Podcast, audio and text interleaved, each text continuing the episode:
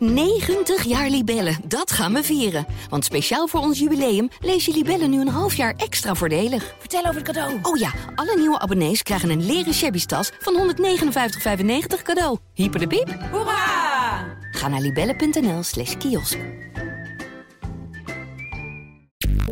Ik ga die vraag heel veel opnieuw stellen, want iemand heeft echt veel stemmen op zijn achtergrond. In een radio-uitzending is alles letterlijk horen wat je zegt. Radio zelfs. Jij denkt radio klinkt nog gewoon eh, belangrijker dan podcast? Ja.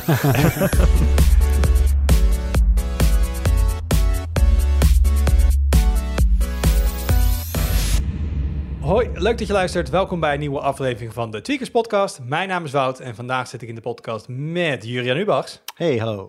met Arnaud Wokken Hoi. En met, ik moet eventjes checken, voor de eerste keer sinds dat we thuis opnemen. Ik, ik zeg het bijna beschamend. Het spijt me, Olaf van Miltenburg. Hallo. Ik denk dat jij eh, in de laatste podcast zat voordat we op moesten eh, hoepelen uit, eh, uit, van kantoor naar huis toe. Toen zaten we nog fysiek bij elkaar, inderdaad. Klopt, ja. Ja, en nou, je hebt gelukkig ook tegenwoordig een, maar een microfoon geregeld thuis, dus jij kan nu ook gezellig aanschuiven Mhm. ehm, in de, de, de, de remote podcast. Eh, en dat was nodig, want we gaan het hebben natuurlijk over de chiptekorten. Die, eh, het is niet nieuw, we weten dat ze eraan komen. We wisten het vorig jaar al hè, in de hoek van eh, GPU's, van CPU's, nieuwe consoles. Maar het begint zich steeds verder een soort olievlek uit te spreiden. Intel zegt nu, het kan nog wel een paar jaar duren. Netcar zegt, oh, die autoproductie krijgt problemen mee. Philips zegt, moeten ze niet voorrang krijgen voor medische apparatuur, want dat begint ook allemaal een beetje krap te lopen. Dus ehm, dat eh, is zeker niet iets wat, eh, wat al achter ons is of stilstaat. Dus daar gaan we deze podcast over hebben. Maar eerst natuurlijk de highlights. Nou, Olaf, en als ehm, iemand die na een jaar, een jaar terugkomt, dan gooi ik, gooi ik jou meteen gewoon op plek 1. Ja, ja, wat is dit, jouw highlight? dit is mijn highlight natuurlijk, dat ik hier na, na een jaar weer in de podcast eh, zit samen met jullie. Dat is een absolute highlight. Ehm, daarnaast had ik gisteren een highlight, toch wel. Ehm sommigen van jullie weten misschien dat ik eh, een aantal weken geleden een eh, column heb geschreven over eh, dat, dat ik vernielliefhebber ben. Hè? Een grote bekentenis. Er kwamen ontzettend veel leuke reacties op ehm, trouwens. Ehm, en wat schetst mijn verbazing? Gisteren kwam mijn zoon terug ehm, met twee eh, LP's. Die had hij gekocht, twee nieuwe LP's. Respect, respect. Ja, Wauw. Hoe, hoe oud is jouw zoon? mijn zoon is 18. Maar dan is Ja. toch eigenlijk standaard van wat je ouders doen is niet cool. Nee, precies. Dus Dat- doe je juist het tegenovergestelde. Ik heb hier echt geen enkele invloed op gehad. Echt beloofd. Ehm, eh, en sterker nog, een vriend van hem had al eerder ook. Het, het, het is echt een ding onder zijn vrienden om eh vinyl te kopen. En geen van zijn vrienden, nog mijn zoon, heeft op zijn kamer een eh, pick-up staan ook. Dus het, het, het- Wat doen ze ermee dan? Heu, Maar wat, Ja. doet hij, wat moet je dan met een plaat als je hem niet kan afspelen? Ja, kijk, bij mij kan hem natuurlijk wel, eh, kan hem wel afspelen. Dus ik heb de mogelijkheid. Ehm, maar daarnaast, wat ik ervan begrijp, is dat ze het gewoon heel tof vinden om zo'n grote eh, hoes te hebben. Dat vinden ze leuk. Dat vinden ze ook mooi staan op hun, eh, op hun kamer. En ook gewoon het feit dat ze gewoon fysiek. Kijk, voor, voor ons is dat misschien nog wel enigszins normaal. Hè? Ehm, maar, maar voor hen, ze zijn opgegroeid met MP3's en met streaming. En om fysiek gewoon iets te hebben van qua muziek, dat is voor hen heel bijzonder. Dat vinden ze heel gaaf. Bizar, dat wordt dan weer helemaal retro. En, en ik bedoel, wij hebben allemaal bandjes meegemaakt. En wij hebben allemaal cd's meegemaakt. En wij dachten misschien op een gegeven moment... Nou, handig, het is gewoon digitaal, heb ik het allemaal niet meer nodig. Maar dit, dit is helemaal, helemaal tof dus. Ja, ja zeker. Ja, dit is eh, hip en happening onder de jeugd van tegenwoordig, blijkbaar. Hey, maar voor de mensen die jouw column niet gelezen hebben... Wat, eh, wat, wat is er zo hip en leuk aan vinyl? Waar komt jouw liefde vandaan? Ehm, nou ja, toch ook wel dat, dat je, dat je iets, iets fysieks eh, in, in, in de handen hebt. Ehm, kijk, voor mij persoonlijk speelt dat heel veel muziek die ik leuk vind, is niet, niet eens beschikbaar op de streamingdiensten of op, eh, op, eh, of op CD bijvoorbeeld. Ehm, Even het- voor onze een- luisteraars, wat, wat voor obscure muzieksmaak heb jij? Poeh, het, het gaat heel breed. Het is allemaal elektronisch in ieder geval. En het, het gaat van, van eh, disco tot hip-hop, tot acid house, tot eh, techno, tot ambient. eh, nou ja, en dan een beetje de obscure artiesten vind ik, vind ik leuk. Niet, niet iets wat je alledaags op de radio hoort, zeg maar. En die zitten niet bij Spotify aangesloten. Nee, veel daarvan zitten niet op Spotify aangesloten. Nee, klopt. Ehm, maar, maar ook gewoon het, het, het ritueel, het, gewoon het, het hebben van, van muziek op fysiek en dan gewoon het, het opzetten, zeg maar. Dat is gewoon, dat is gewoon een, een leuke handeling. Dan, dan De je naald heel, om, opzij doen, de plaat erop leggen, de naald gaat- in het groefje. Juist, je luistert dan heel bewust naar muziek. Anders dan dat je gewoon gaat skippen naar het volgende nummer. En nou ja, toch ook geen zin, skippen naar het volgende nummer. En dat, dat, dat, dat wordt een beetje fastfood-achtig eh, bedoeling dan met muziek. En met Maar hoe, is dat anders. hoe doe je dat dan? Ga jij, ga, heb jij luistersessies? Denk je soms, oh, ik heb echt zin om even te luisteren. Ik ga gewoon muziek opzetten en dan alleen dat doen? Eh, ja, ja dan heb ik zo'n lekkere stoel waar je in kan hingen. En dan zet ik mijn koptelefoon op. En dan, eh, dan, dan maak ik een soort playlist in mijn hoofd. Van, god, nou hierna ga ik, eh, ga ik dat luisteren. En oh, dit sluit dan weer goed daarop aan. En ja, zo maak je er een hele aangename sessie van. Arno, doen jullie, is muziek luisteren ooit wel eens een doel op zich voor jullie? Of is het altijd iets wat je op de achtergrond hebt opstaan terwijl je iets anders doet? Jur, ik zie jou een, pandering eh smileface eh, Nou, maken. Kijk, ik krijg nog wel eens berichten van vrienden. hey, de nieuwe NoFX is uit of zo. En ja, dan, dan, dan eh, zet je wel even een album op en dan ga je wat aandachtiger luisteren naar hè, de liedjes, de stijl, de, de, de, nou ja, goed, de tekst voor zover mogelijk in punk. Ja, nee, dus dan wel, maar over het algemeen, nee, gewoon, ik ga, ik, ga, ik ga niet zoals Olaf, zeg maar, muziek die ik al heb, en dan op een actieve manier consumeren, zeg maar. Waarom niet? Omdat ik een fastfood brein heb.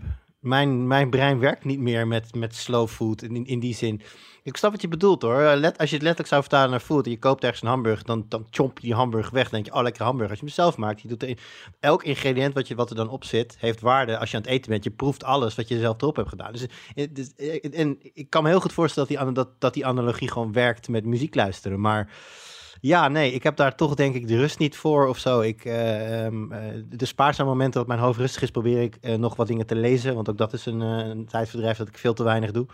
En dan heb ik het echt gewoon over artikelen in kranten en dat soort dingen. Nog niet eens boeken, kun je nagaan. Dus nee, dat zijn de spaarzame rustige momenten voor mij. En muziek is inderdaad, ja, als ik ga, weet ik veel, als ik iets aan het doen ben en dan op de achtergrond zet ik een muziekje aan. Maar 50 Arna? uur lang een game spelen kan dan wel, Jur. Ja, maar ook in die game ga ik zelden maar stilstaan en luisteren naar de muziek. Heel af en toe als ik me Ja, afvraag voor de review van... hey, wat is eigenlijk met de soundtrack aan de hand? Dan stop, dan ga je er wat actiever naar luisteren. Maar mijn stelregel bij games is altijd... als de muziek niet opvalt, dan doen ze het goed. Want eh, Ja. als het wel opvalt, is het meestal slecht nieuws. Ja, Ja, nee, ik maar ja, ben jij een, een, een, iemand die van muziek luisteren een activiteit maakt? Nee, zeker niet. Nee, ik kan dat, eh, ik kan dat niet alleen doen. Zeg maar, Eh, als ik, als ik alleen muziek luister zonder iets anders, ja, dan ben ik binnen een minuut afgeleid. Ik, ik, ik heb dat niet in me. Ik moet dan echt iets anders doen. Dus als ik muziek op heb staan, dan ga ik eh, de vaatwasser uitruimen of de was opvouwen of ik ben aan het wandelen. Ik ben heel veel iets aan het doen. Ik kan niet gewoon in een stoel zitten en dan maar gewoon gaan luisteren. Dat, Dus eh, vraag, hoe is dat met niet in. podcast? Hetzelfde. Ja, Precies hetzelfde. dat heb ik dus ook. Als ik, een ik bedoel, of ik moet echt een heel specifiek een stukje willen horen uit een podcast waar naar iemand naar gere- gerefereerd heeft. Maar anders is het inderdaad gewoon, ik ga iets doen, zet een podcast op en dan... Ja, Ja, de vraag is dan iets doen. Ik, ik doe heel veel, eh, ik luister podcasts en, en, en muziek in de auto. Dus ja, ik ben aan het autorijden. En ja, dat maar dat is vereist een bepaalde eigenlijk. mate van aandacht. Zeker. maar, met, jou, het is met, met jouw bijna- kilometertelling is dat bijna automatisch natuurlijk. Maar het is ook zo, het is bijna 50-50. Dus ik, ik, het auto, autorijden gaat hal- half bewust, half automatische piloot. En het luisteren gaat half bewust, maar ook echt half wel... Ja, niet wat denk wat Olaf doet. Ik ga er echt voor zitten en me eens eventjes helemaal erin verliezen. Ehm, maar ik vind de auto de beste plek om podcast te luisteren. Omdat ik dan wel echt het idee heb dat ik dan echt aan het luisteren ben. Terwijl als ik het doe terwijl ik het huis aan het opruimen ben. Dan denk ik soms aan het eind van de podcast... Oh, wat heb ik, net- ja, ik heb toch wel een beetje... Ik heb de helft van meegekregen, denk ik, maar niet alles. Ja, dat gebeurt. Ja, dat Maar heb ik niet. eh, heb, Ja. jij, heb jij tips, Olaf? Want ik vind, het, ik vind het wel iets moois hebben dat jij dit kunt. Ik zou, Ja, ik, ik, ik, het idee van gaan zitten en dan echt naar muziek luisteren... en dan misschien zelfs, oh, welke instrumenten hoor ik en wat doet het en zo. Olaf is dat heeft, iets wat jij... Olaf heeft een betere Ja? stoel dan jij, dat is duidelijk. Nee, maar is dat iets wat, wat, jij, wat je heel bewust jezelf hebt, hebt eh, gedwongen of aangeleerd? Of is het gewoon, nee, zo luister ik gewoon muziek? Nee, het is, het wel, ik heb me er wel echt toe moeten zetten om dat te doen. En het is ook als tegenwicht tegen eh, het, het drukke bestaan van een redacteur. Ehm, je, bent, je zit continu achter je pc, je bent continu bezig met nieuws. Dat is, dat is heel snel, dat gaat ook heel vluchtig. Je, je, je wordt continu lastiggevallen door collega's. Je aandacht is, is eigenlijk zo'n hele dag heel erg versnipperd. En ehm, nou ja, als contrast daarvoor eh, werkt dit heel erg goed, voor mij in ieder geval. Interessant. En dus voor jouw zoon, behalve het feit dat hij heeft hij ook zijn nieuwe... Oh, trouwens, eerste vraag. eh, koopt hij dan hetzelfde soort vinyl als jij? Ik bedoel, dezelfde Nee, nee, nee. obscure dingen? Of koopt hij gewoon de hitjes van Spotify uit de top 40, maar dan op vinyl? Nee, nou, dit gaat je misschien nog meer verbazen. Hij heeft ehm, eh, de Wu-Tang Clan gekocht, de LP ervan. Nice. En een LP van New Order. Dus het- hij is een wat eclectische muzieksmaak, eh, die, die nou ja, wel enigszins afwijkt van die van mij, ja. Dus jij weet al wat je hem voor zijn volgende verjaardag gaat geven. Gewoon een speler. Ja hele goeie, ja, inderdaad. Ja. En heb je dan wel nog idee... Ja, hier? Nou, ik wil zeggen, eh, voor, voorliefde voor vinyl of verzameldrift daarin kan ook heel erg leuk zijn als je een gamer bent. Hè? Want over het algemeen de grotere games en ook de games met, een met goede soundtracks brengen heel regelmatig die soundtrack ook op vinyl uit. Zodat je inderdaad die hele grote platen, ik weet dat bijvoorbeeld eh, eh, Rockstar doet dat bij vrijwel standaard met al zijn games. En dan, eh, ja, dat is een hele leuke manier van, van ja, op zich dingen verzamelen die niet super duur hoeven te zijn. Je hoeft niet een special edition van 200 euro te kopen. Maar je hebt wel iets ja, redelijk, nou ik wil niet zeggen uniek, maar iets voor je, wat voor jezelf heel uniek kan zijn. Wat bijvoorbeeld aan een muur heel vet kan zijn, naast andere mooie platen en dat soort dingen. Dat, eh, omdat net ook de brug naar gaming werd geslagen, dat ik van nou, vinyl en gaming gaat in die zin ook echt goed samen. Hmm, ja, en ik heb ook het idee dat er een... Is er een kleine revival, Olaf? Dat je... Ik was ergens wel be- be- eh, verbaasd dat gewoon moderne muziek die nu uitkomt... soms ook gewoon nog op LP te krijgen. Ik denk, nee, LP dat was vroeger. Je kan oude classics kopen op de rommelmarkt. Maar er wordt nog best wel ge- gedrukt, volgens mij. Je drukt vinyl. Je perst Ehm, het inderdaad, ja. Je perst het inderdaad, maar is dat zeg maar weer on, on the rise? Of heb je enig idee? Ehm, ja, absoluut. Ja, sinds een aantal jaar geleden is het inderdaad... eh de, de, de, het cd's, dat is, eh, dat is helemaal ingekakt, hè, dat is gekelderd. Maar dat vinyl, dat is absoluut weer eh, in opkomst, ja. Wordt zelfs meer... vorig jaar is er meer omzet uit vinyl eh, gehaald door de Nederlandse muziekindustrie dan uit, dan uit cd. ja, en ben je dan ook zo iemand die zegt... het klinkt ook beter omdat het allemaal vol met fouten zit? Nee, nee, nee, nee, absoluut niet. Nee. Is- ja, laten we daar maar niet over beginnen. Daar, daar kunnen we de hele uitzending over, eh, over gaan eh bakkelen. Nou ja, of, je, of je kan inderdaad zeggen, dat, dat, het is technisch inferieur, maar dat maakt niet uit, want de, de ervaring is beter in zijn geheel. Ik bedoel, ik denk dat dat het een beetje is. Als het, Ehm. goed, als het goed klinkt, dan ben je als vinylbezitter heel erg blij. Ja. Dus en de volgende stap is dan voor je zoontje dat hij op een gegeven moment zegt, papa, ik heb hier een, eh, een camera met een oud fotorolletje. Want dat is ook toffer dan met mijn telefoon foto's maken. Een beetje equivalent volgens mij. Dat mensen dan opeens weer analoog gaan fotograferen. Omdat het proces en het hele gedoe eromheen dan... ehm, ja. En, de, en de vraag is of het blijvend is ook natuurlijk. Hè? Of dat het een tijdelijk leuk iets is wat dan, eh, wat dan hip is. Dat, dat, Ja. dat weten we nog niet. Dat hij dan En, vraagt, en je hebt papa, natuurlijk ook papa ik wil gewoon geen... Spotify, toch? Ga, ja, ga maar verder. Ik zeg, je hebt ook gewoon Spotify, toch, Olaf? Dat wel. Ja, ja, ja absoluut. Ja. Nee, oké. ik dacht Tuurlijk, voor het, voor, het, voor het gemak is dat echt zoveel beter. Anders wordt het een hele dure, dure bedoeling. Heb Hmm. jij nog iets hier of niet? Nee, nee. Dan, eh, maar da- dan mag je gewoon je highlight geven, bedoel, als je dan toch... oh, oh eh, ja, nee, dat heb, ik, dat, heb, dat heb ik wel. Nee, nee, ik had gewoon nog een hele flauwe grap, maar eh, toen was het moment voorbij. Dus toen ging het niet meer. Nee, ehm, eh, mensen die een beetje opgelet hebben, die hebben gezien dat er de afgelopen week redelijk wat nieuws naar buiten is gekomen over eh, eh, met name Epic Games, ook wel wat over Apple. En in het kielzog van Epic Games ook een heleboel over PlayStation en over Xbox. En eigenlijk is mijn, mijn highlight de allesomvattendheid van de rechtszaak en alles wat er nu naar buiten komt over de dealings van Epic op het gebied van hun strategie, op het gebied van waar ze hun geld verdienen, hoe ze hun geld denken te gaan verdienen in 2023 en verder. Ehm, hoe ze in, hun samenwerking omgaan met, met Sony, wat voor eh, eh, ja, gestes daarin worden gedaan en, en wat Sony daar dan weer voor eisen tegenover stelt. Al die documenten zijn nu allemaal geopenbaard omdat die, eh, omdat die rechtszaak loopt. En ja, dat is eigenlijk één grote high. Ik weet eigenlijk niet zo goed waar ik moet beginnen, want het zijn heel veel kleine eh, bits en pieces. mag ik nog heel eventjes voor de mensen die denken... Huh? Oh ja, doe jij de voorgeschiedenis even. Er loopt een rechtszaak tussen Epic en Apple over de fees in de, heel kort in de App Store. Want eh, ze wilden Fortnite aanbieden, maar ze wilden het ook via hè, een eigen... Of ze willen een Ja, ze wilden in-game wel. in-game die, dingen eh, verkopen. ja. En, En dat mag niet. hup, 30%. Eh, en toen zijn ze er, eraf gekikt. En volgens mij zitten ze nu, zoals dat mooi in het eh, Amerikaanse rechtssysteem is, zit nu in de discovery fase van de trial, waarbij iedereen al zijn openbaring van documenten moet geven. Dan kunnen ze allemaal Ja. dingen opvragen bij elkaar. Dus eigenlijk moet iedereen nu met de billen bloot. Ja, min of meer wel. Er wordt van alles nu gezegd. Dus het is dus ook al duidelijk dat. Apple had, al, had, al in een eerder stadium gezegd van... joh, als je per se wil dat mensen die V-Bucks kopen... niet via eh, het platform van Apple... dan kunnen ze dat ook via de browser gewoon doen op je eigen platform. En dan, maar goed, dat wil, dat wil Epic niet. Want dat, eh, dat snap ik ook wel. Je zit in de game en je kijkt naar wat je wil kopen... dan moet je uit de game naar je browser. Dat zijn natuurlijk een heleboel drempels... waarvan elke, iedereen die daar ooit onderzoek naar heeft gedaan... eh, zal zeggen, ja, daar gaan mensen gewoon op afhaken... en dan heb je dus je verkoop niet. Je wil gewoon klik en klaar.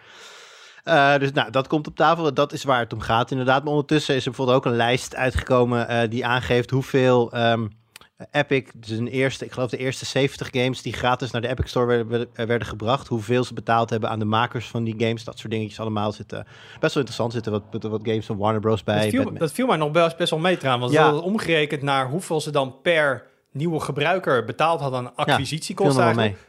Was 2,5 dollar of zo. Maar dan moet je natuurlijk wel in oogschouw nemen dat dat eh, niet per se nieuwe releases waren. Er zijn daarna natuurlijk nog wat grotere games eh, al dan niet tijdelijk gratis geweest op, eh, in, in de Epic Store. Die nieuwer waren, die ook duurder zullen zijn geweest, die staan niet in deze documenten. Dus ik weet, dus ja, daar weten we dan minder van. Maar je kunt terugvinden hoeveel Epic in totaal verdient aan Fortnite. Je kunt terugvinden... Hoeveel was dat ook alweer? Ja, die ben ik. Dat is heel leuk. Die zou ik je willen geven. Maar juist dat, die statistiek ben ik kwijt. Maar volgens mij, ja, miljarden, denk ik sowieso. 13, mijn hoofd 14 was het- miljard. 17 Ja. toch Arnoud? Ik dacht 13, 14. Ja, 13, Oh, wacht 14. even. Maar dat, is Voor, dus, nee, nee, 14. Goed voor zo'n 14 miljard aan omzet. Nou, maar dat is dus een game die in de basis gratis is. ja. En die 14 miljard verdienen ze dus met in-game purchases. ja Dat dus is dat, echt... Ja.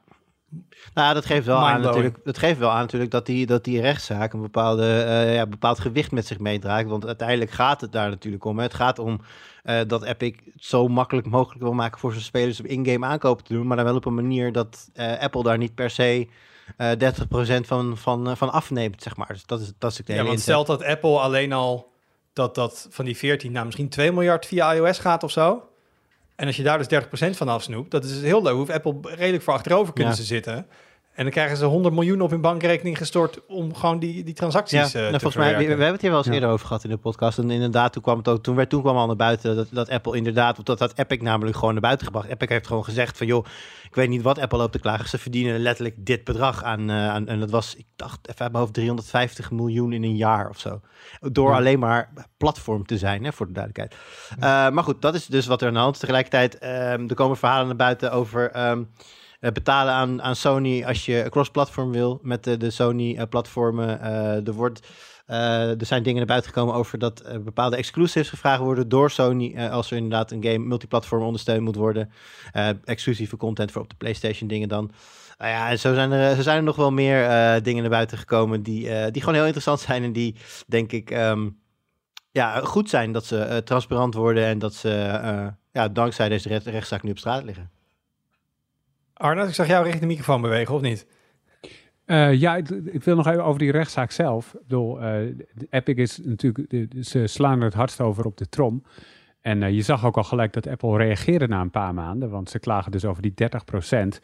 En nu hoeven kleine ontwikkelaars sinds dit jaar ineens geen 30% meer te, eh, af te dragen, maar nog maar 15%. Als je omzet in een jaar minder dan 1 miljoen dollar is in de App Store. Dus het heeft nu al effect. En eh, Epic is ook niet de enige die erover op de trom slaat, want de Europese Commissie die heeft eh, Apple nu ook openlijk beschuldigd. Ik geloof dat het ook afgelopen week was of die week ervoor. Van machtsmisbruik in de App Store om deze redenen. Dus om eh, het verplicht stellen van in-app aankopen. En om het feit dat je als ontwikkelaar dus niet eens mag zeggen dat er een andere betaal, betaalmethode is. Dus als eh, Fortnite, eh, als, als Epic zijn, dan mag je niet in Fortnite zeggen: hé, hey, je kan hier 4 bucks aanschaffen via Apple. Oh, trouwens, je kan ook via de browser. Dat mag niet eens. Ehm, want dan word je uit de App Store gekikt. En dat doet Apple ook echt.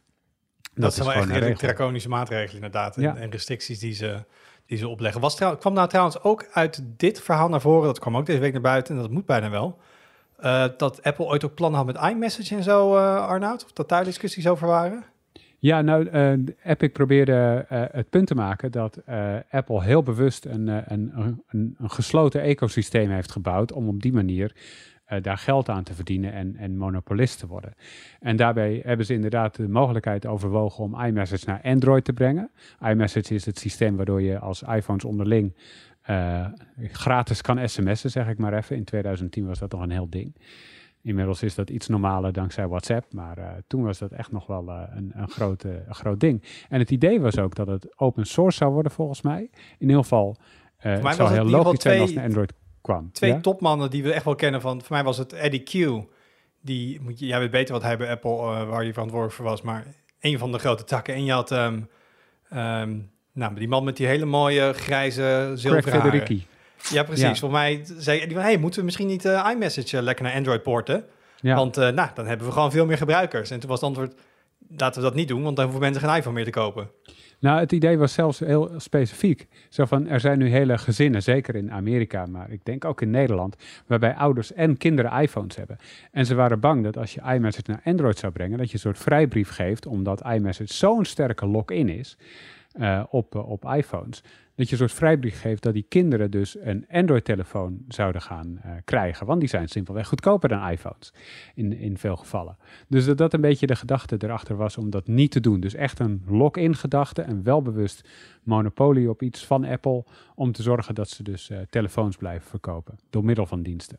Nee, ik heb inderdaad verhalen uit de VS gehoord dat daar het hele idee van, hè, als je in je iMessage zit, dan zie je per contact of groene vinkjes of blauwe vinkjes en bubbeltjes. Ja. En dan een van die twee betekent dat je aan het iMessage bent. De andere is dat je dus met een zo'n zo'n vermalendheid Android geval aan het, eh aan het messagen bent. Dat mensen ook echt bijna gestigmatiseerd worden als jij in een vriendengroep zeg maar het andere kleurtje hebt. Dat, er is iets, ja, dat ze bijna gewoon een GoFundMe gaan doen om jou een iPhone te geven. Want het kan echt Ja. niet dat je gewoon in een groep zit en geen iPhone hebt. En dat speelt natuurlijk in Nederland echt totaal niet. Ah, Nee, ik ken en wel mensen die er zo over denken hoor. Is iMessage een ding bij ons? Hier WhatsApp iedereen. Nee, nee, Of- mensen die vinden dat als je geen iPhone hebt, dat je dan een iPhone moet gaan kopen. Oh nee, die zijn er inderdaad genoeg. Maar dan heb je altijd nog andere messaging dingen om, eh, om dat uit te spelen. Maar even terug naar een app. Voor mij, dit, ga- dit gaat drie weken duren, toch? Volgens mij, deze rechtszaak. Althans, het staat er nu voor gepland, las Ja, klopt. Ja. Dus we gaan nog wat, wat dingetjes nu... eh er gaat vast nog meer naar buiten komen. En dan is het idee dat een rechter... Die, ik ben ook heel benieuwd hoeveel een rechter hiervan snapt. Dat vind ik ook altijd wel interessant in dit soort situaties. Ik weet nog ooit bij de zaak tussen Google en Oracle over Java... was er een rechter die gewoon een programmeercursus was gaan volgen volgens mij. Omdat hij wilde weten waar hij het over had. Ehm, dit is natuurlijk ook allemaal best wel technisch. Maar het idee is dat een rechter dus hierover een uitspraak gaat doen... of Apple hierin... of ze fout zitten. Ja. Ja, of eh, zij eh, inderdaad eh, meer zelfstandig eh, hun in-game aankopen zouden mogen vermarkten naar hun gebruikers. En nou ja, daar gaat er natuurlijk een afweging, afweging aan, eh, aan vooraf eh, over hoe rechten werken op een platform. Hè. Uiteindelijk, eh, ja, zij, zij, komen, zij bieden hun, hun schommel aan en die schommel staat in de speeltuin van Apple. Dus ja, dan, is, dan moet de rechter gaan bepalen. Oké. Die, ja, dan moet de rechter gaan bepalen of mensen zelf naar die, schap, naar die, naar die schommel mogen. En dat mogen, mogen daar dan losse kaartjes voor verkocht worden. Of moeten ze een kaartje kopen voor de speeltuin? En, want de schommel staat in de speeltuin. Dus dat is een beetje wat er aan de hand Schud je is. deze gewoon net uit je mouw? Ik, ja, ik heb vrij, wou- vrij wijde mouwen aan. Dus dat is, ja, nee, dat eh, zo. eh. De Mooi, hè? schommelanalogie. Ja. Ja. Nou ja, waar, waar verkoop je je kaartje inderdaad? Maar wat, Ja. wat denk jij? ik denk dat Wat Epic... hoop je? Ehm, nou, in beginsel eh, vind ik het een goede ontwikkeling. En dat zie je ook met name door de komst van de, app van de Epic Store. Ook op, eh, op eh, Windows gebeuren natuurlijk. Eh, en online, met, online platformen daar. Ik vind het in beginsel goed dat eh, eh, afstaan, zeg maar, door de makers aan platformhouders, dat die percentages teruglopen. En eh, nou, mocht Epic dit winnen, of mocht er een, eh, ik, ik hoop in ieder geval op een uitspraak waarin eh, blijvend voor alle eh, aanbieders van, van apps en games in de Apple Store, maar misschien ook in het verlengde daarvan in andere stores, als dat ooit nog een probleem zou zijn, gewoon blijvend naar beneden wordt, wordt gebracht. Dat er gewoon een precedent wordt gezet waar, waarbij recht zegt, joh, 30% is on- onrealistisch veel, veel, daarmee maak je misbruik van je machtspositie als platformhouder. En wij vinden, nou ja, misschien is die 15% een goede indicatie, weet ik niet. Ehm, maar dat zou kunnen dat een recht zet van nou, 15% vinden wij, hè, want uiteindelijk, zo eerlijk moet je ook zijn, eh, het Apple-platform zorgt voor misschien, nou, jij, noemde net als voorbeeld 2 miljard, ze- zeg dat het 2 miljard is, zorgt voor 2 miljard aan inkomsten. Het is niet meer dan logisch dat zij als, als de partij die dat heeft gemaakt en heeft opgebouwd tot wat het nu is met al die miljoenen eh, users wereldwijd, dat zij daar ook op meeliften. Dus eh, in die zin, maar en ik heb het idee dat het daar ook heen gaat hoor. Als je ook inderdaad ziet, de, de al, de al gedane knieval naar kleinere aanbieders van, van games die dan inderdaad minder hoeven te betalen. Daaruit lijkt wel een beetje te spreken dat Apple zelf ook wel begrijpt dat 30%, dat 30 gewoon heel veel is. Ja. En dat eh, dat misschien wel gewoon standaard zal gaan worden. Zie jij het zover komen, Arnoud, dat eh, een rechter gaat afdwingen dat Apple gewoon echt alternatieve app stores en installatiemogelijkheden moet gaan toelaten? Dat soort zaken. Want het zit ook een beetje in de kielzog hiervan natuurlijk. Nee, zou kunnen, maar het, het meest logisch is natuurlijk dat apps gewoon eigen betaalsystemen mogen gaan gebruiken. Ja. Eh, en dat is maar sowieso wat hier ook uitkomt in de komende weken. Degene die ongelijk krijgt, die gaat het natuurlijk aanvechten, want dit is echt een Ja, principiële eh, Want Arnoud, eh, even voor mijn nucleaire beeldvorming. oorlog bijna. De, de inzet is, is echt in dit, in dit geval primair natuurlijk die, die verkoopmethode. Hè? Dus zelf, kunnen, zelf dingen kunnen aanbieden Ja. via een eigen eh, marketplace, zeg maar. Ja, precies. Dus die percentages, dat is inderdaad ook eigenlijk een kielzog-item. Dat is niet precies de hoofdinzet hier. Ehm, Precies. Ja, ik vind het heel lastig. Ik heb niet vo- voldoende verstand van, van, van hoe dat dan werkt met, met een marktplaats aanbieden op iemand anders een platform. eh, om daar een, een zinnig woord over te zeggen wat de uitkomst Nou, dat is grappig. Daar gaat, daar gaat Google naartoe. Die heeft al gezinspeeld dat ze het makkelijker willen maken om naast de Play Store alternatieve app stores op dat Ja. ze maar hun kant die ze op willen. Alternatieve app stores. En dan gaan ze natuurlijk wel proberen dat mensen zoveel mogelijk die Play Store gebruiken. Maar dat, dat klinkt niet echt des Apples, laat ik het zo zeggen. Ehm, maar ja, als je grote regulators hebt, die kunnen, als ze willen, kunnen ze dingen afdwingen. Ja, en er zijn nu natuurlijk echt grote krachten in werking. Niet alleen deze rechtszaak, maar ook die Europese Commissie die er overheen komt. Alle aandacht die er is voor Apple, niet alleen als monopolist bij in-app betalingen, maar ook het feit dat ze en zelf het platform hebben en de downloadwinkel hebben en dezelfde diensten erop aanbieden, zoals Spotify altijd aanroept. Van wij concurreren met Apple Music. Wij moeten 30% afdragen, zij niet. Dat is wel echt heel raar. Eh, en dat zijn ook gewoon steekhoudende argumenten waar, eh, waar de politiek oren naar heeft. Ehm, dus ja, dit, eh, dit, dit, dit, dit, dit krijgt een heel spannend staartje, maar het kan wel echt heel lang duren, denk ik. Ja, dat zagen Is ik. Ik noem. Ja, Het is hoe dan ook eh smullen geblazen. de- om Ja. te zien te- hoe, hoe die strijd zich voltrekt tussen die twee grootmachten. En wat er ook dan allemaal naar buiten komt. Zeg maar, wat normaal gesproken je, je niet leest of hoort. Nee, daar begon Jurn dat mee. Gewoon de openheid. De- Met de billen bloot nu is vooral ook leuk dat je ziet eh, wat ze allemaal niet moeten vrijgeven. Ja. Maar we zagen ook met Google versus Oracle. Voor mij is dat ook drie, vier keer overruled door andere rechters. En hebben ze het weer hoger opgeschopt en zo. Dus dit is eentje die is natuurlijk tot het einde gaan doorprocederen. Ah, ik, Want, eh, eh, Ik kwam nog wel een funny tidbit tegen, misschien om dit af te sluiten. Want eh, ik weet niet, ik heb het document niet gevonden waarin hij, waar hij het uithaalt. Maar Jan Meijroos, die gamejournalist natuurlijk, die twitterde op... eh twitterde op Twitter, logisch. Tweette op Twitter over dat eh, Microsoft, en dit zou dus ook uit die, uit die Epic documenten komen, dat Microsoft intern eh The Last of Us heeft laten reviewen door gewoon medewerkers en, ontwikkelaars, om dat vervolgens als een soort van, ja, guideline, indicatie, eh, handvat te gebruiken om zelf ook games in die richting te gaan maken.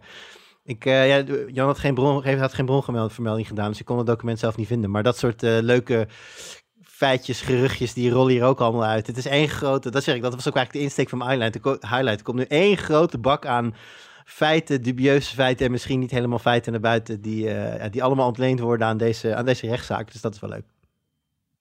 Alright. Ehm Arnoud, ik geef mensen even een, ehm, eh, een, een, een sneak peek in onze voorbereiding. Er staat bij Arnoud, als Jur niet over Epic begint, dan doe ik het wel. Nou, hier is wel over Epic begonnen. Dus Nou, wat ik- is dan je highlight? Ik las, ik las dus dat document en toen dacht ik, oh, laat ik anders over Epic beginnen. Dat is een goed idee.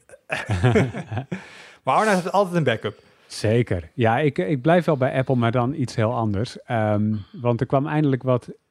Wacht, laat ik even bij het begin beginnen. Het idee dat Apple een vouwbare iPhone zou maken, eh, dat leeft al best wel lang. Voor mij lees en hoor en zie ik er al minstens anderhalf jaar wat over, misschien wel twee. Ehm, en het is altijd een beetje afwachten wanneer het, wanneer het bij iPhone-geruchten wat meer solide wordt, zeg maar. Wanneer er wat meer concrete info komt.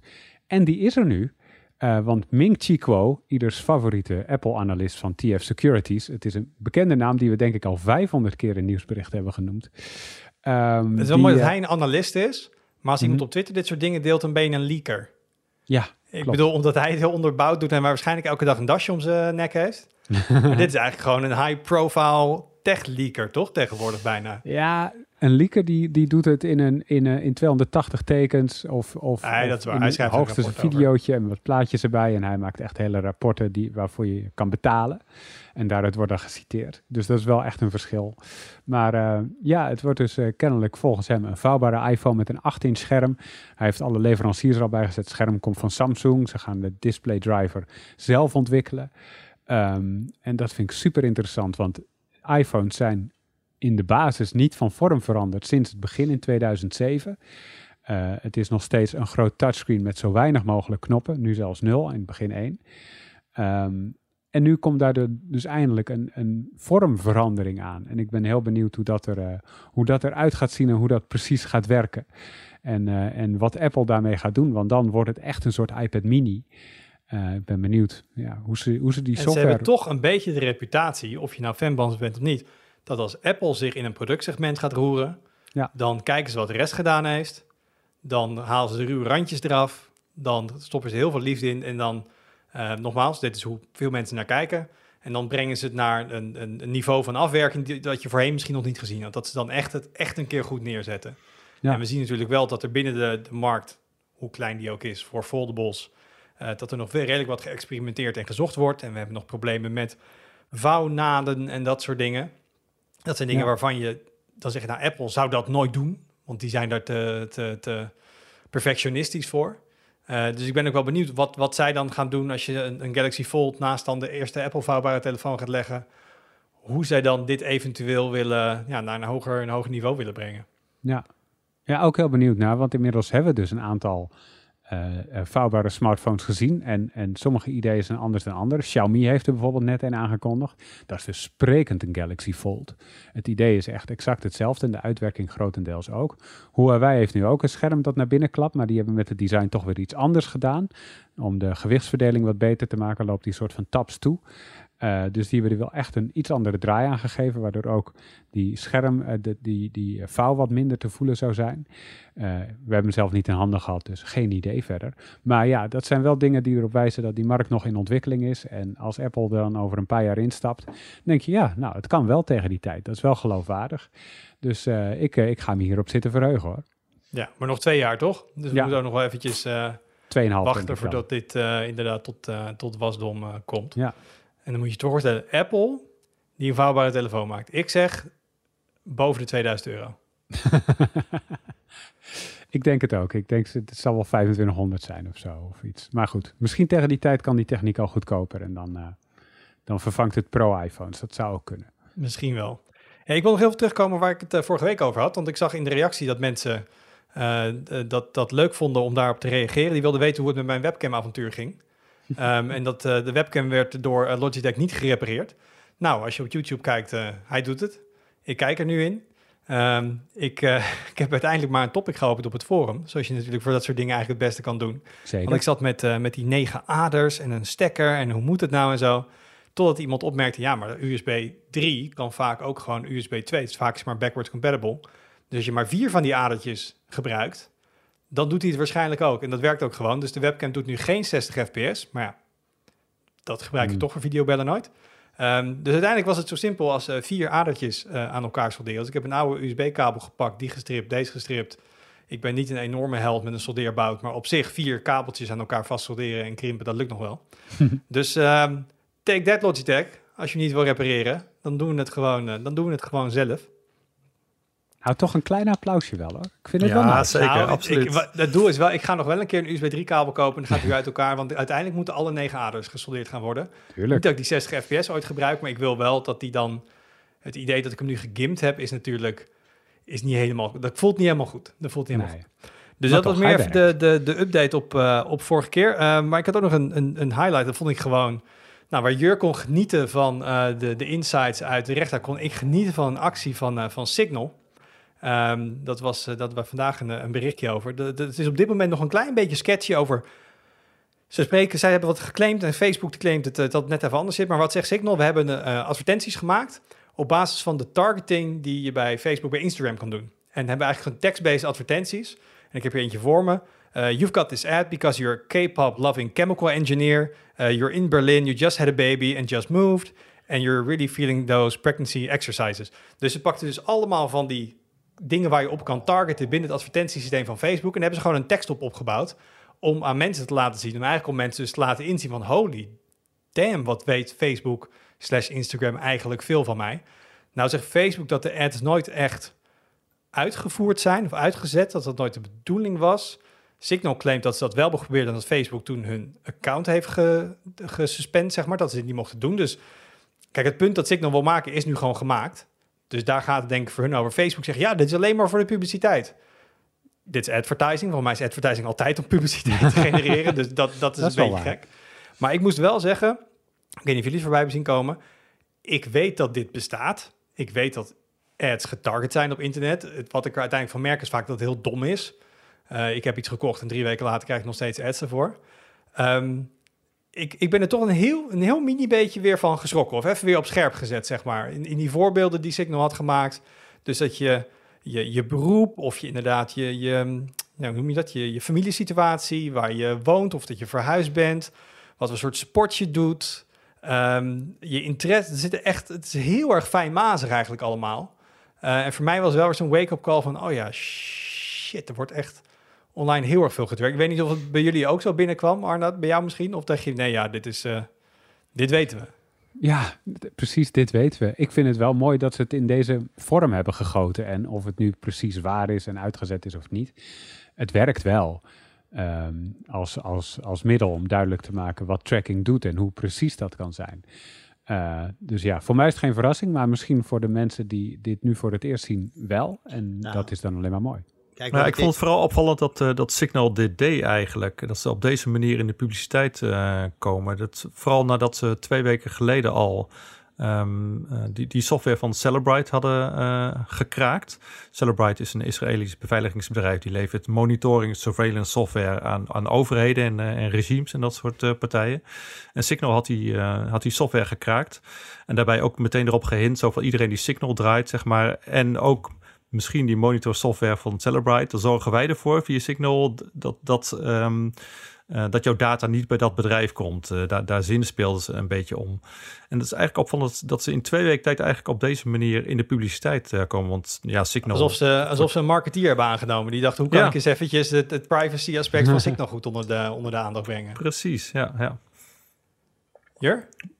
Ehm, ja, nee, wat, wat mij van begin, het gebeurt natuurlijk nooit dat, dat je eh, al die dingen waarvan je wel weet dat Facebook of, wie dan ook het van je trackt, eh, dat je die in één oogopslag allemaal voor je neus krijgt. Dat ze inderdaad weten wat je, wat je leuk vindt en, en, en, en hoe je je uitgaven doet en of je single bent. Dat, dit is natuurlijk wel heel erg in your face. Het is een, eh, kijk, adverteerders is ook niet gek. Dat wordt, die, al die data die je in dit soort blokjes tekst nu leest, moet je je van bewust zijn dat het gebruikt kan worden op een bepaalde manier. En dat er dus een profiel van jou bestaat ergens waar een adverteerder... eh, hij kan gewoon letterlijk inkopen van, eh, weet ik veel, eh, target op mensen die voetbal leuk vinden. En dan weten zij op magische, tussen wijze dat ik daar dan bij hoor. Kijk, daar moet je je van bewust zijn. Tegelijkertijd, en dat is ook de reden dat ik een beetje mijn schouders erover ophaal... ehm, in het dagelijks leven merk ik het niet zo. If anything, krijg ik beter op mij getargete advertenties te zien. En ehm, ja, ik, ik weet dat het een beetje vloek in de kerk is op tweakers, maar ik zit daar dus niet heel erg mee. Eh, maar goed, er zijn, ik weet dat er heel veel mensen die dat zeer met mij oneens zijn, die zoiets hebben van... eh, nee, maar ik- het is ik- in ieder geval goed dat je voor jezelf die afweging maakt. Van oké, ik weet dat het bestaat en I don't really care. Nou, dat is toch Ja. goed? Dan heb je erover nagedacht en heb je daar een, een keuze in gemaakt. Ja, kijk, en op het moment dat eh, iemand zegt van ja, maar stel nou dat jij eh, straks eh, vier keer per jaar gaat skiën, dan zou er wel eens een zorgverzekeraar kunnen zijn die via hun data kan zien van hé, hey, wacht eens even, deze meneer skiet heel veel, terwijl ze dat, nou ja, ze misschien uit de socials kunnen halen, maar goed, hè, dat soort enge dingen, bedrijven die meer gaan rekenen van, omdat je risico, risicoprofiel in zo'n online profiel verandert, ja, dat zijn allemaal hele enge dingen waarvan ik vooralsnog niet het idee heb dat, dat een heel groot risico is al. Ehm, ook hierop zal ik vast gecorrigeerd worden door mensen die zeker weten dat het wel gebeurt. Uh, maar nee, ja, wat ik zeg, ik, ik ben me van bewust dat dat soort, soort uh, informatie over mij in profielen opgeslagen staat die benaderbaar is door marketeers over het algemeen. Um, ja, ik slaap daar niet minder om. En wat ik wel grappig vind, dat heel veel mensen helpen Facebook hier natuurlijk ook mee. Dus jij een Facebook profiel hebt, denk je, oeh, dan ga ik um, al mijn, mijn, mijn werk uh, ga ik daarin zetten en allemaal hobby's. En dan ga ik allemaal muziekpagina's liken en dan ga ja. ik mijn opleidingen toevoegen. En dan die mensen bij Facebook lachen zich de bal uit de broek van ja, vink maar aan hoor, kom maar op met dat ingevulde profiel, want uh, je helpt ons uiteindelijk mee. Ja. Um, ik moest me ook meteen denken aan iets als LinkedIn. Ja, daar gaan mensen dus hun hele cv op bijhouden. Dat is natuurlijk ook gewoon goud voor de mensen die daar weer ads op, ads op targeten. Dus we doen ook nog eens het werk van, uh, van deze advertentieboeren voor ze, voor een deel. Dus uh, nou, ik vond het wel, uh, ik, ik, uh, wat, wat ik zeg, ik, ik, ik ga me niet mijn gedrag om veranderen, maar het was wel weer even een reality check van, oh ja, oh ja, dit is wel, dit weten ze wel allemaal inderdaad. En ik, ik zou minder snel, toen ik net Facebook had, vond ik het leuk om alles te liken en wat is je favoriete dit en wat is je favoriete club en wat is je favoriete muziek. En dat, ik ben nu wel iemand die zijn profielen redelijk Spartaans houdt. Als ik ergens een profiel nodig heb, dan laat ik wel ze tracken dingen, oké, maar ik ga ze niet helpen door zelf ook nog eens allemaal dingen in te vullen. Dat, uh, daar moeten ze maar wat harder voor werken. Eigenlijk zou het spelletje moeten omdraaien en zeggen van als ze vragen van wat vind je leuk? En dan zeg je 10 euro, dan vertel ik je wat ik leuk vind. Nou, laatst kwam er ook achter wat, wat Facebook, was ook een, ehm, een bericht van waar, wat Ja. Facebook per Vijf- gebruiker verdient. 15 euro of zo toch? Ja, zoiets, per jaar. Per per gebruiker per jaar. Ja. Nou, dus dan voor een volgende podcastaflevering, hoeveel zou je bereid zijn om voor een advertentie bij Facebook te gaan? Maar eh, we hebben ook nog, eh, we, zitten in de tijd en we hebben ook nog een, eh, een, eh, de chiptekorten waar we het over willen hebben. Dus daar wil ik even naar overstappen. Ehm, ja, misschien even, eerst even status update. Jur, hoe zit het met de levering van consoles? Nou, niet. Ehm, eh, gewoon nog steeds langzaam. Nou, in Nederland is de vraag naar de PlayStation 5 wel groter dan naar de Xbox. Eh, van Xbox ben ik wat minder goed op de hoogte, maar PlayStation 5, ja, dat is nog steeds eh, via bots proberen, via Telegram groepen proberen de, de, de levering in de gaten te houden en er heel snel bij zijn op het moment dat eh, een van de retailers weer een, een, een tientallen tot honderden exemplaren krijgt. En van wat, ik, van wat ik zo snel kan zien, is dat in heel Europa in ieder geval hetzelfde hoor. En volgens mij ook wereldwijd. Ik, ehm, in Engeland heb je ook dit soort witch hunts op, op wanneer er weer leveringen worden verwacht. Ik geloof dat er in Engeland een vrij grote levering ergens tussen 10 en 17 mei wordt, wordt verwacht. Dus nou ja, het, het, geeft al, het geeft al aan, er is zeker nog niet sprake van een hele steady stroom van, eh, van, van consoles. En eh, dus ook niet En wanneer kwam die ook eh, weer uit? Ja, dat is inmiddels is die een half, uitgekomen? half jaar Ja. geleden. Dat is eh, in eh, november eh, 2020 geweest. Dat is bijna een half jaar geleden dat hij op de markt gekomen is. Ai, ai, Ja. ai, ai, ai. Ja, Arnoud, Ja. wat merken we aan de, aan de telefoonkant, aan de mobiele kant? Ja, het is, nog niet, het is nog niet zo enorm aanwezig, maar je, ziet er al wel tekenen van. Samsung heeft zijn Galaxy Note voor dit jaar eh, kennelijk geschrapt eh, vanwege de chiptekorten. En eh, Google brengt zijn Pixel 5a straks alleen maar uit in de Verenigde Staten en Japan, in plaats van in veel meer landen, vanwege nou ja, een tekort aan telefoons die ze kunnen maken. Dus ja, het, het doet zich al een beetje gelden, maar het is nog niet enorm. En hoe staan we ervoor bij, bij laptops en, en componenten, Olaf? Nou, bij laptops valt het dus wel mee. Ik heb eh, gekeken naar eh, de populairste laptops in de, in, in de Pricewatch. En je ziet daar eigenlijk nauwelijks tot geen prijsstijgingen. Ook geen verlagingen trouwens. Maar eh, de, de voorraden lijken ook gewoon redelijk oké. maar ook daar zijn wel aanwijzingen dat dat de komende maanden wel gaat veranderen. En dat we wat prijsstijging eh, tegemoet gaan, gaan zien. Maar het, het, het, het, valt ook nog mee. En componenten is nog steeds helemaal niks, toch? Nee, Als, als je een videokaart wil kopen op dit moment, dat eh heel ja, dat, is- dat is een drama. Ja, dat is echt een drama. Ja, je bent hier laat, eh, laat ingedoken, Olaf. En, en het is natuurlijk heel makkelijk om te zeggen, het is COVID. Eh, het is ook heel makkelijk om te zeggen, ja, het is eh, eh, kleinere procedés. K- k- waardoor komt dit? Is het een soort perfect storm van allemaal verschillende dingen? Of zijn er echt wel dingen aan te wijzen die ervoor zorgen dat we nu in deze shitty situation zitten? Eh, het is COVID. Dat is heerlijk, Nee. lekker makkelijke antwoorden op moeilijke vragen. Ja, het chiptekorten die, die zijn er best wel vaak geweest, ook in het verleden. Het- Intel heeft bijvoorbeeld grote problemen gehad met, eh, met de productie van zo'n 10 nanometer eh, chips. En toen waren om- omdat die rechte brei, zeg maar, toen, toen waren er ook al tekort aan Intel chips. We hebben in het verleden ook al problemen gehad met videokaartleveranciers. Omdat ehm, toen ook al met mining heel erg in opkomst was. Er kon ze niet genoeg eh, leveren bijvoorbeeld.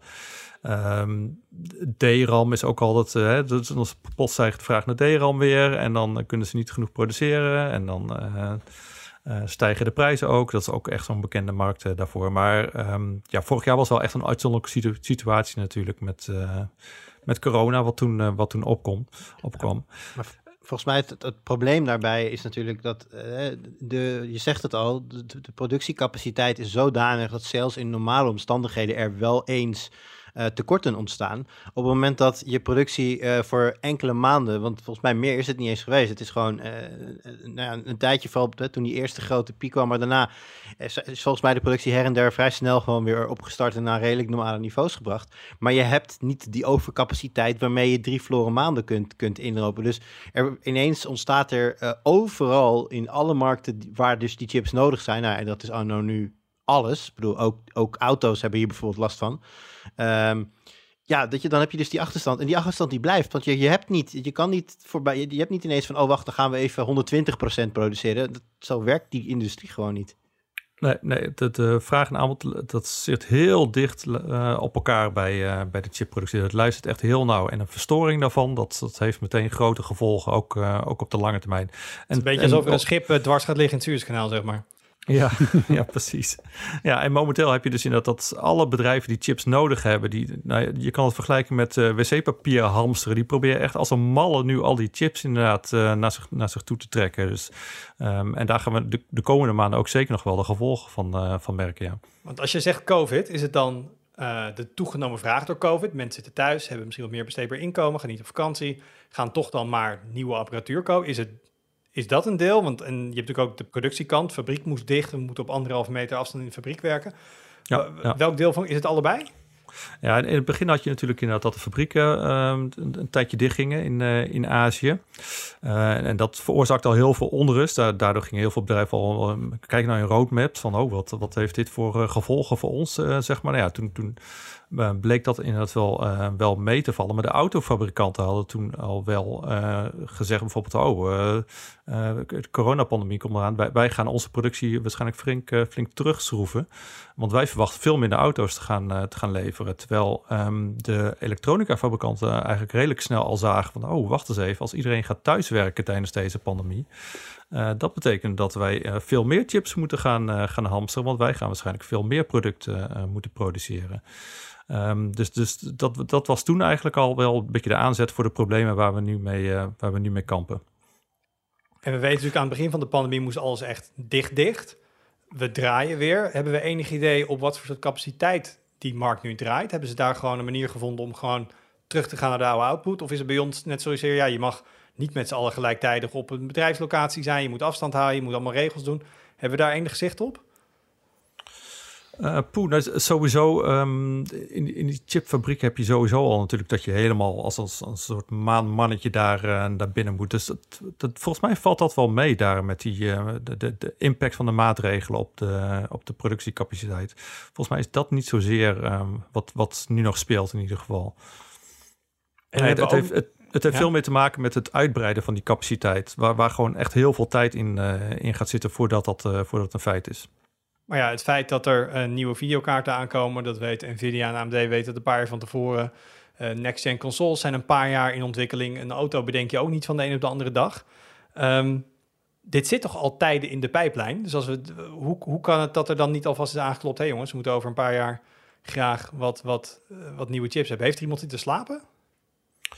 Ehm, nou, het, is vooral dat die, die autofabrikanten die raakten natuurlijk een beetje in paniek. Die zagen hun eh, leveringen flink teruglopen. Dus die hebben heel veel bestellingen hebben ze op pauze gezet of, of terug, eh, teruggebracht.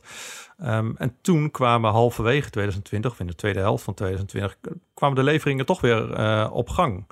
Ehm, dus toen moesten ze als een malle alsnog weer die, die eh, leveringen op gang proberen te brengen. Maar wat toen gebeurde was dat de elektronicfabrikanten eigenlijk alle capaciteit al ingeboekt hadden.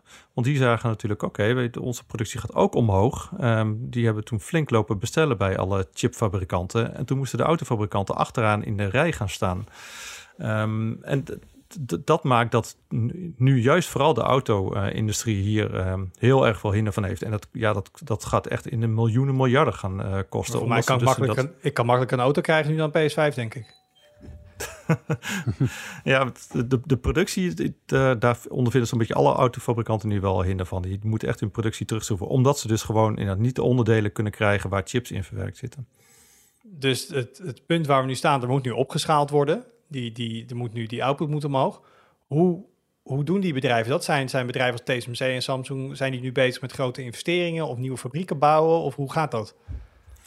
Eh, ja, die, dat, en dan heb je het over de, de, de grootste chipfabrikanten, hè, Samsung, eh, TSMC, Intel. Dat, ehm, die, die, die hebben beloofd in ieder geval flink te gaan investeren. Ehm, en dat betekent dat ze chipmachines gaan bestellen bij ASML bijvoorbeeld, die er natuurlijk ook weer eh, wel bij vaart. Ehm, maar voordat ASML die kan leveren, dan ben je zo meer dan anderhalf jaar verder. Ehm, voordat hij dus draaiend is. En dan moet hij nog opgestart worden en, en, en, en gefine-tuned worden en dergelijke. Dus dat is op korte termijn is dat geen, eh, geen oplossing. Eh, plus dat je, wat je nu ook ziet, is dat, want ik bedoel, dan hebben we het over de grote chipfabrikanten, maar je hebt ook heel veel kleinere chipfabrikanten die gewoon je, je LCD-controllers maken, eh, kleine chips voor eh, energiebeheer en dat soort eh, dingen. Ehm, en die, die zie je nou die kunnen nou eigenlijk ook niet voldoende leveren. Daar zie je nou eigenlijk de grootste problemen ontstaan. En dat is misschien nog wel een veel groter probleem wat zich onder het wateroppervlak uh, bevindt.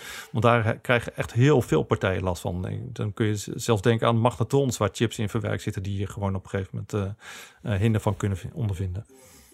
Maar Olaf, je zegt net, dus dan moeten ze, zowel die grote als die kleine chipfabrikanten, moeten machines gaan bijbestellen, die moeten fabriekshallen uitbreiden, moet allemaal neergezet worden. Dan hebben we het over lange termijn. Uh, de topman van Intel die heeft ook laatst gezegd, nou dit gaat misschien nog wel eens anderhalf jaar duren. Is, is dat waar we nu, wat we nu voor ons hebben staan, dat dit gewoon nog de komende 18 maanden pet blijft?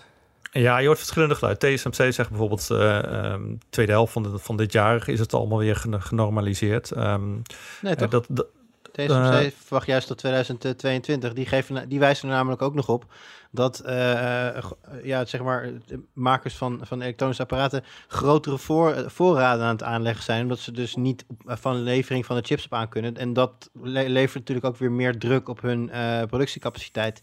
Waardoor TSMC dus verwacht dat het tot in 2022 nog wel doorgaat.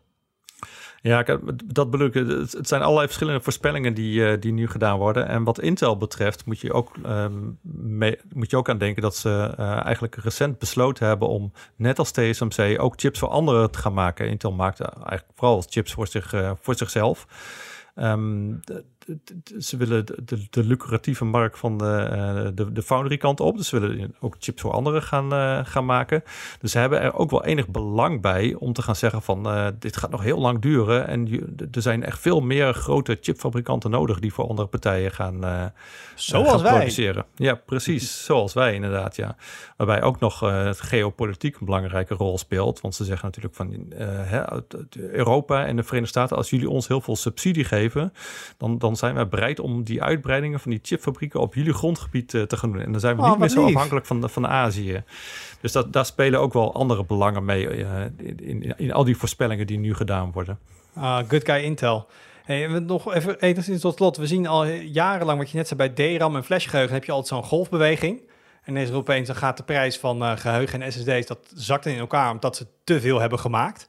En dan gaan ze daar aan terugschroeven en dan gaan toch weer mensen bestellen en dan gaat het weer heel erg omhoog. Dus daar kunnen ze die, uh, die, die, dat vraag-aanbod uh, niet zo goed inschatten. Zou dat ook hier nu kunnen gaan gebeuren? Als inderdaad wat Jur zegt, als bedrijven gaan hamsteren. En misschien hebben ze de chips dan weer niet nodig. En dat we dan zo'nzelfde golfbeweging gaan krijgen? Ja, het, en wat ik net ook al zei, kijk, iedereen zit nu als, als een malle, net als inderdaad die, die uh, wc-papier zitten ze in nu chips te, te, te, vergaren. Omdat ze dus verwachten dat er inderdaad nog de komende tijden heel veel tekorten blijven. En, en dat die vraag naar allerlei producten zeg maar heel erg hoog blijft. Maar dat, dat, dat weten we natuurlijk helemaal niet. Ik bedoel, als, als straks uh, mensen minder gaan thuiswerken... of ze hebben gewoon thuis een goede setup... en die, die vraag naar producten daalt... En, dan kan het best zo zijn dat je natuurlijk over niet al te lange tijd... weer over, overcapaciteit gaat uh, krijgen. En dan hebben die, al die chipfabrikanten miljarden geïnvesteerd... in fabrieken uitgebouwd en dergelijke. Um, en dan zitten we met een hele andere situatie. Ik bedoel, laat niet vergeten, ASML bijvoorbeeld... Um, begin 2000 was ASML, die had het echt heel zwaar. Dat die moest duizenden ontslagen moesten die doorvoeren, omdat er gewoon overcapaciteit was. Mensen kochten gewoon iets minder uh, smartphone en iets minder laptops en dergelijke. En daar was toen heel erg veel last van. Dus, um, dus wat, ik maar wil zeggen, al die partijen zullen ook wel enigszins voorzichtig zijn om niet als een malle nu uh, die productie te gaan vergroten en daar miljarden in te gaan steken. Ja, want al die, die overconsumptie van het afgelopen jaar, die volgens mij toch echt, nou ja, in de westerse wereld denk ik wel heeft plaatsgevonden. Um, ja, als iedereen vanwege thuis zitten met corona dan maar denkt ik ga een PC upgraden, dat ga je, jaar, dat ga je niet jaar op jaar op jaar doen. Ja, dus misschien als ik lang genoeg wacht, dan kan ik toeslaan over een jaar, dan kan ik mijn zeer goedkope PS5 kopen. Ha. Want dan uh, raak ik ze me aan de straatsteen niet meer kwijt. Alright, uh, nog even door over chips. Uh, in de sneak peek want we hadden enige tijd terug hadden we een verhaal over uh, core scaling bij uh, games. Dus uh, hoeveel cores heb je nou nodig voor een bepaalde game? En wat is daarbij wijsheid? Toen hadden we even specifiek voor die test alleen maar AMD-chips gebruikt. Dat we dan appels met appels konden vergelijken. En er komt nu dit weekend een follow-up waarbij we natuurlijk gaan kijken naar, je verwacht hem al, Intel versus AMD en core scaling. welke CPU heb je nodig om het best te kunnen gamen? Als je ze kunt kopen. Maar dat kunnen we bijna bij elke review tegenwoordig er wel achter zetten. Dus daar komen we mee. Um, ons videoteam is deze week op pad met collega Jeroen om de nieuwe Ionic 5 auto, ik zeg maar even bij, van, uh, van Hyundai uh, nader aan de tand uh, te voelen en, uh, en vast te leggen. Hyundai? Hyundai? Ik, ik noem gewoon Hyundai? Hyundai, maar de Hyundai, ja. Ja. Die. Ik, ik, ik, ik spreek geen vloeiend Aziatisch. Ehm een, een van die uitspraken, in ieder geval de Ionic 5, of de Ionic. nou, nu, ben ik, eh, nu snap ik helemaal niks meer van. Ehm, en, en maandag gaan we ook nog even in de chiphoek verder, maar volgens mij is de verkoop bij moederborden wel redelijk stabiel. Ehm, gaan we kijken naar de, de nieuwe Intel Z95 chipset en dan de, de high-end borden. Dus ehm, we zitten nog genoeg eh, redactioneel gezien in de chips de komende tijd. Eh dankjewel jongens voor die bijdrage. Eh, dankjewel voor het luisteren of voor het kijken. Heb je nou feedback? Die horen we heel graag. Kun je achterlaten onder de punt geek of naar ons mailen via podcast.tweakers.net. En tot volgende week. Doei. doei. Doei.